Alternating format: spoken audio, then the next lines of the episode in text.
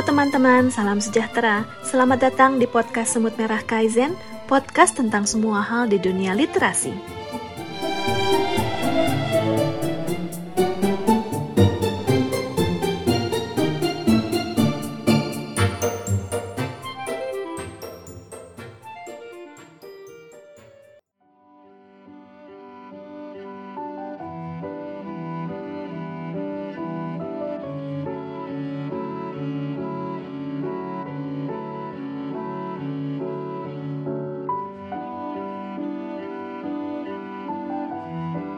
Hari ini aku bakalan mengulas tentang buku Recto Verso karya Dewi Lestari barengan dengan Selfie dan Maitra. Uh, halo Selfie. Hai. Hai. Maitra ada di sana? Ada dong. Hai, hai. Oke. Okay. Tema hari ini tuh bagi aku sangat-sangat menarik sih, soalnya buku Recto Verso sendiri karya Dewi Lestari ini merupakan satu dari cukup banyak buku sih yang aku suka. Cuman buku ini punya sebuah keunikan yang nggak bisa kita lewatkan gitu aja sih. Karena kan buku dan musik dirangkul dalam satu satu buah karya yang jatuhnya itu kayak sebuah karya hibrida yang menggabungkan fiksi dan musik terdiri dari 11 cerpen dan 11 lagu yang bakalan ngemanjain kita dengan kisah-kisah yang dibungkus secara apik banget oleh Dewi Lestari. Dari Dewi Lestarinya juga mengatakan bahwa 11 cerita ini nggak semuanya bisa dikatakan cerpen karena di dalamnya itu ada prosa pendek seperti itu. Recto Verso ini terbit di tahun 2008 dan buat kamu yang lahir di tahun hmm, 2001 mungkin ya, itu bakalan sedikit asing sih dengan buku Recto Verso ini. Tapi ketika kamu tertarik untuk membacanya dan saat ini kamu sedang mendengarkan ulasan Recto Verso, aku sedikit memberikan spoiler tipis-tipis ya. Semoga itu nggak mengganggu apa pun dan tidak mengurungkan niat baca kamu. Karena serius, spoiler yang aku munculkan di sini itu sama sekali tidak ngelunturin kemewahan dari buku Recto Verso ini sendiri. Karena Recto Verso ini sendiri itu kayak gimana ya? Ketika kamu ngebuka halaman pertamanya, itu tuh sama kayak kamu ngedorong pintu masuk restoran mewah yang menyajikan suasana, rasa, bahkan perpaduan warna yang sangat serasi di dalam piring yang tersaji di depan kamu dari 11 kisah ini um, mungkin masing-masing kita punya kisah sendiri yang paling berkesan. Kalau untuk uh, kalau untuk Selfie dan Maitra apa sih uh, judul yang paling menarik dari 11 judul yang tersaji sangat mewah di dalam buku Recto Verso ini? Uh, kalau aku sih suka dua ya. Yang pertama hmm. itu uh, aku ada dan yang kedua hanya isyarat. Buat aku dua dua uh, cerita itu punya apa ya? Ada benang merahnya sebetulnya, tapi itu yang uh, paling kena lagunya aku suka dan ceritanya aku juga suka banget gitu. Aduh, keren. Aku ada dan hanya isyarat. Kalau menurut aku sendiri sih, kedua cerpen ini tuh memiliki benar kata Maitra, memiliki kesamaan yang ngebahas tentang jarak, tapi kita di sini kayak nggak ngebahas jarak yang bisa diukur dengan kilometer atau uh, apalah yang nampak di mata, tapi lebih ke di aku ada itu jaraknya seperti kemustahilan karena kedua tokoh yang berbicara di dalamnya itu sudah terpisah oleh dua dimensi sementara hanya isyarat terpisah oleh keberanian untuk mengungkapkan sih kalau untuk selfie sendiri untuk aku ada dan hanya isyarat juga ngerasa ada benang merahnya nggak sih? Iya, ngerasa ada benang merahnya dan ada nyawanya di sana. Jadi kayak okay. jadi kayak ada yang hidup di sana ceritanya hidup walaupun sedikit sedikit kan itu sebenarnya cerpen tapi nggak cerpen uh, mm-hmm. nah kayak gitu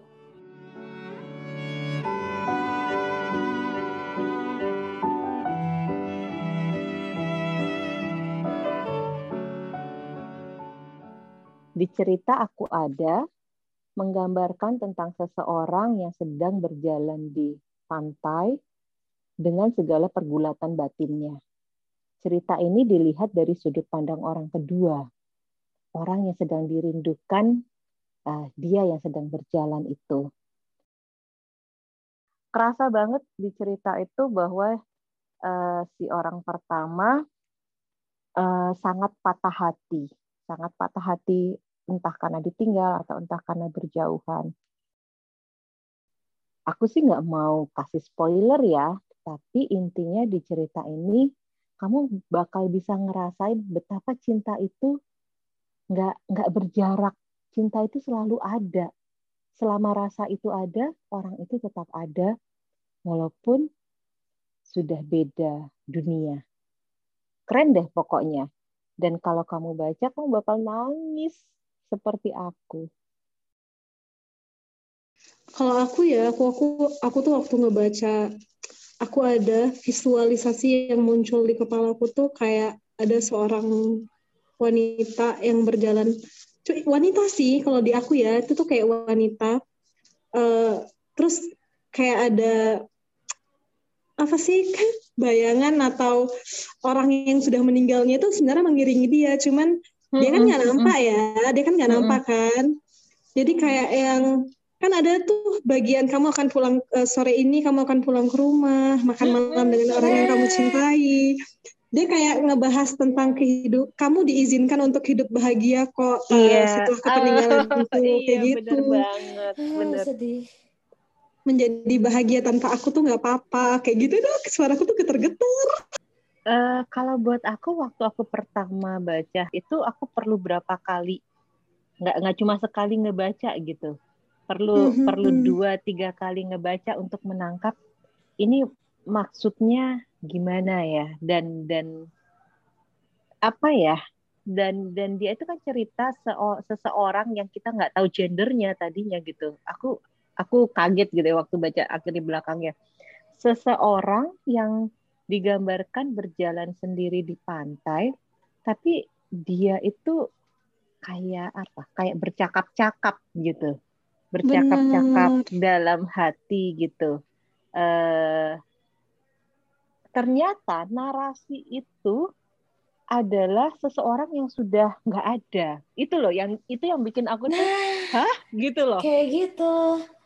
Benar ya, benar benar. Jadi setuju. bahwa di belakang baru kita tahu bahwa dia itu nggak ada udah di nggak ada, ada gitu. dimensi, nggak ada di dimensi itu. Udah maksudnya kan udah nah ditulis jasadnya udah nggak ada oh berarti orang ini udah meninggal gitu kan iya. Ih, aku aja sampai merinding nih waktu ngomongin ini gitu eh, sama aku pun sih jadi terasa iya, banget jadi aku betapa ada. cinta betapa cinta tuh nggak kepisah sama jarak gitu Kayak gitu rasanya ya, rasanya kayak nggak ada rasa nggak rela gitu tetapi iya, benar kalau kita ngomongin itu yang tadi yang tadi uh, Dina bilang bahwa kita bicara hmm. tentang jarak tapi ini jaraknya bukan jarak kilometer, ini adalah jarak yang emang udah nggak bisa sama-sama iya. karena nah. beda dimensi.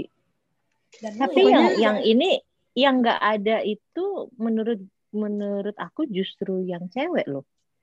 Yang jalan karena, sendiri. Karena dia ini ya, karena dia nyebutin nama ya Kirana ya. Uh, Kirana. Uh, uh, berarti yang jalan sendiri itu adalah si cowok itu yang nggak rela tuh justru si cowok itu gitu sementara nah, aku sampai mikir Kirana itu bisa dijadikan nama cowok atau enggak sih karena kan dia tuh kayak ngegambarin bahwa lukanya tuh dalam banget uh, kan kayak cewek nah. banget ya kayak cowok Ada... maksudku bukan bukan bias gender gitu ya tapi hmm. makanya kenapa aku tadi bilang di awal aku sampai perlu baca dua tiga kali karena perasaan ini aku pikir cewek tapi ternyata ini cowok bu cowok. gitu di dalam tulisan aku ada itu aku tuh kayak menangkap sebuah pesan yang mau disampaikan Dewi Lestari itu adalah bahwa untuk jatuh cinta bahagia luka dan kemudian kembali bahagia di cinta yang lain itu adalah hak semua orang jadi kita tuh nggak boleh ngerasa bersalah ngerasa terbeban atau merasa bahwa luka itu adalah tanggung jawab kita seumur hidup. Kita berhak kok buat bahagia kembali, dicinta yang lain. Itu nggak salah. dan tidak berdosa. Benar nggak sih?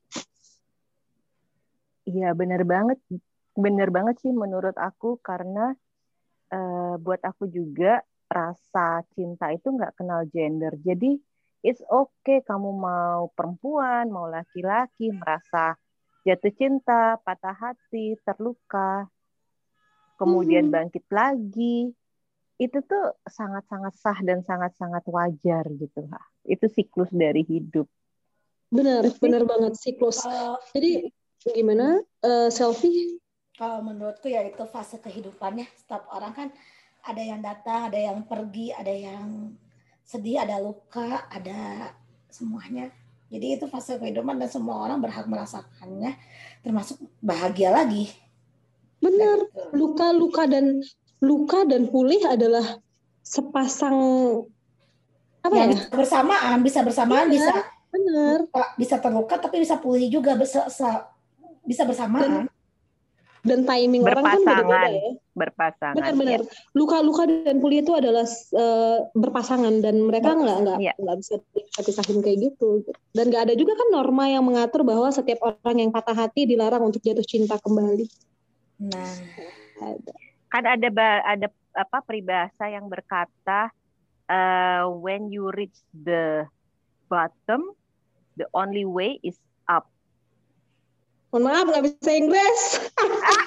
Gini aja deh. Ya, ya. Kalau kata Gini. benda Naira, ulang, ulang. kalau kata benda Naira yang patah tumbuh yang hil yang hilang kembali. Yang, yang hilang berganti. berganti. Yang hilang berganti. Wih, ketahuan nih lahiran tahun 90-an nih. Iya. Aduh, iya sih kayak gitu. Jadi apa salahnya sih bahagia kembali? Toh waktu sudah memulihkan yes. dan tak ada dosa yang harus ditembus. Akhirnya bahasanya akit-akit banget.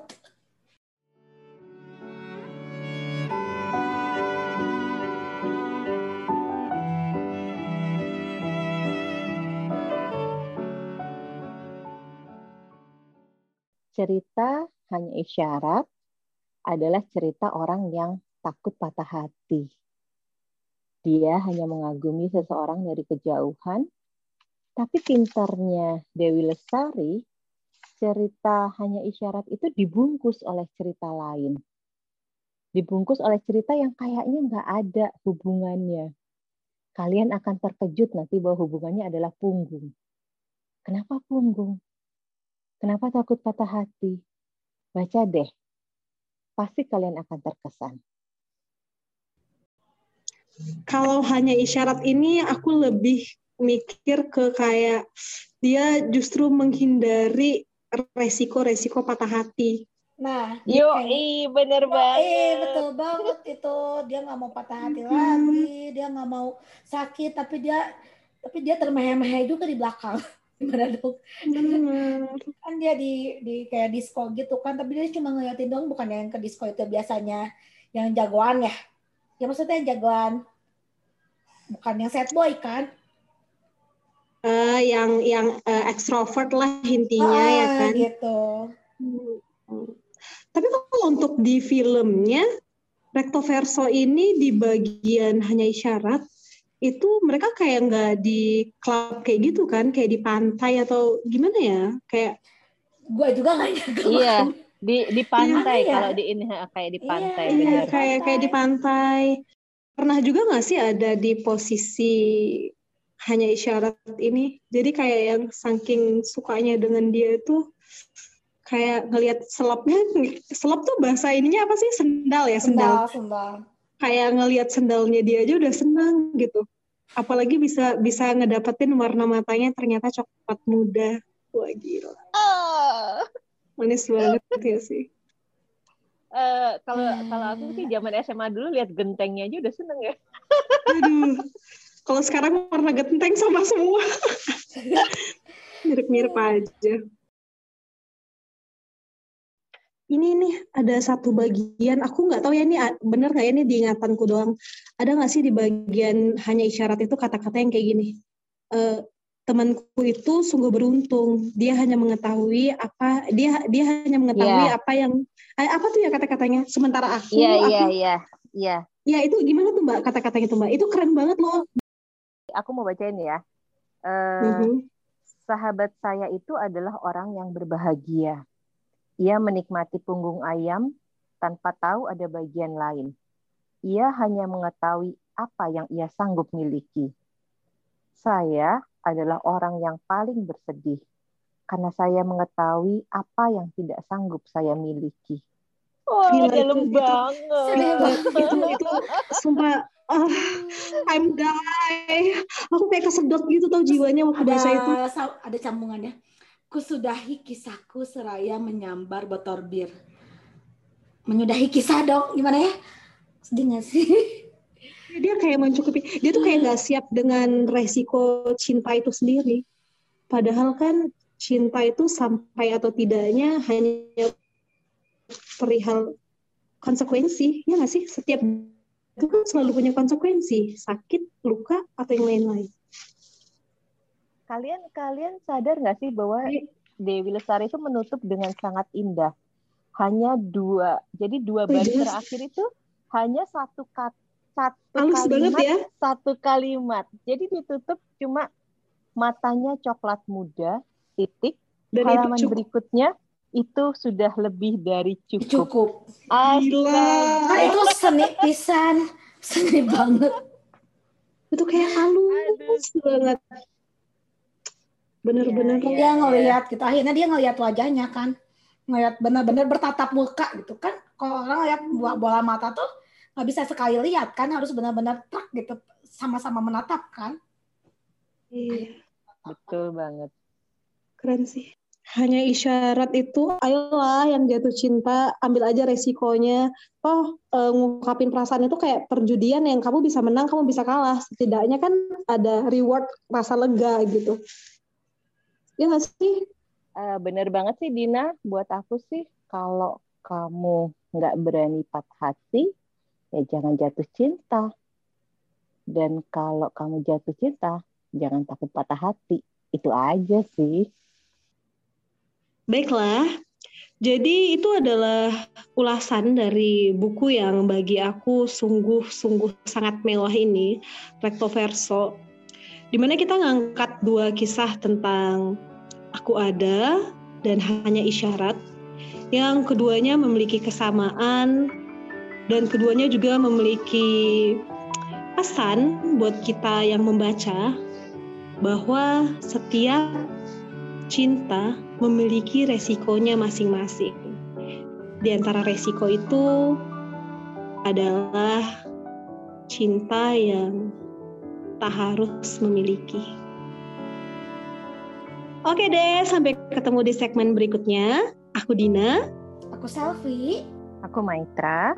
Kita pamit undur diri dulu. Untuk Recto Verso, selamat mendengarkan fiksinya dan baca musiknya.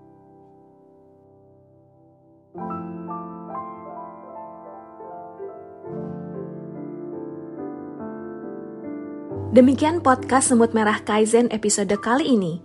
Sampai jumpa di episode berikutnya, karena semua orang bisa menulis dan semua penulis butuh komunitas. Salam literasi.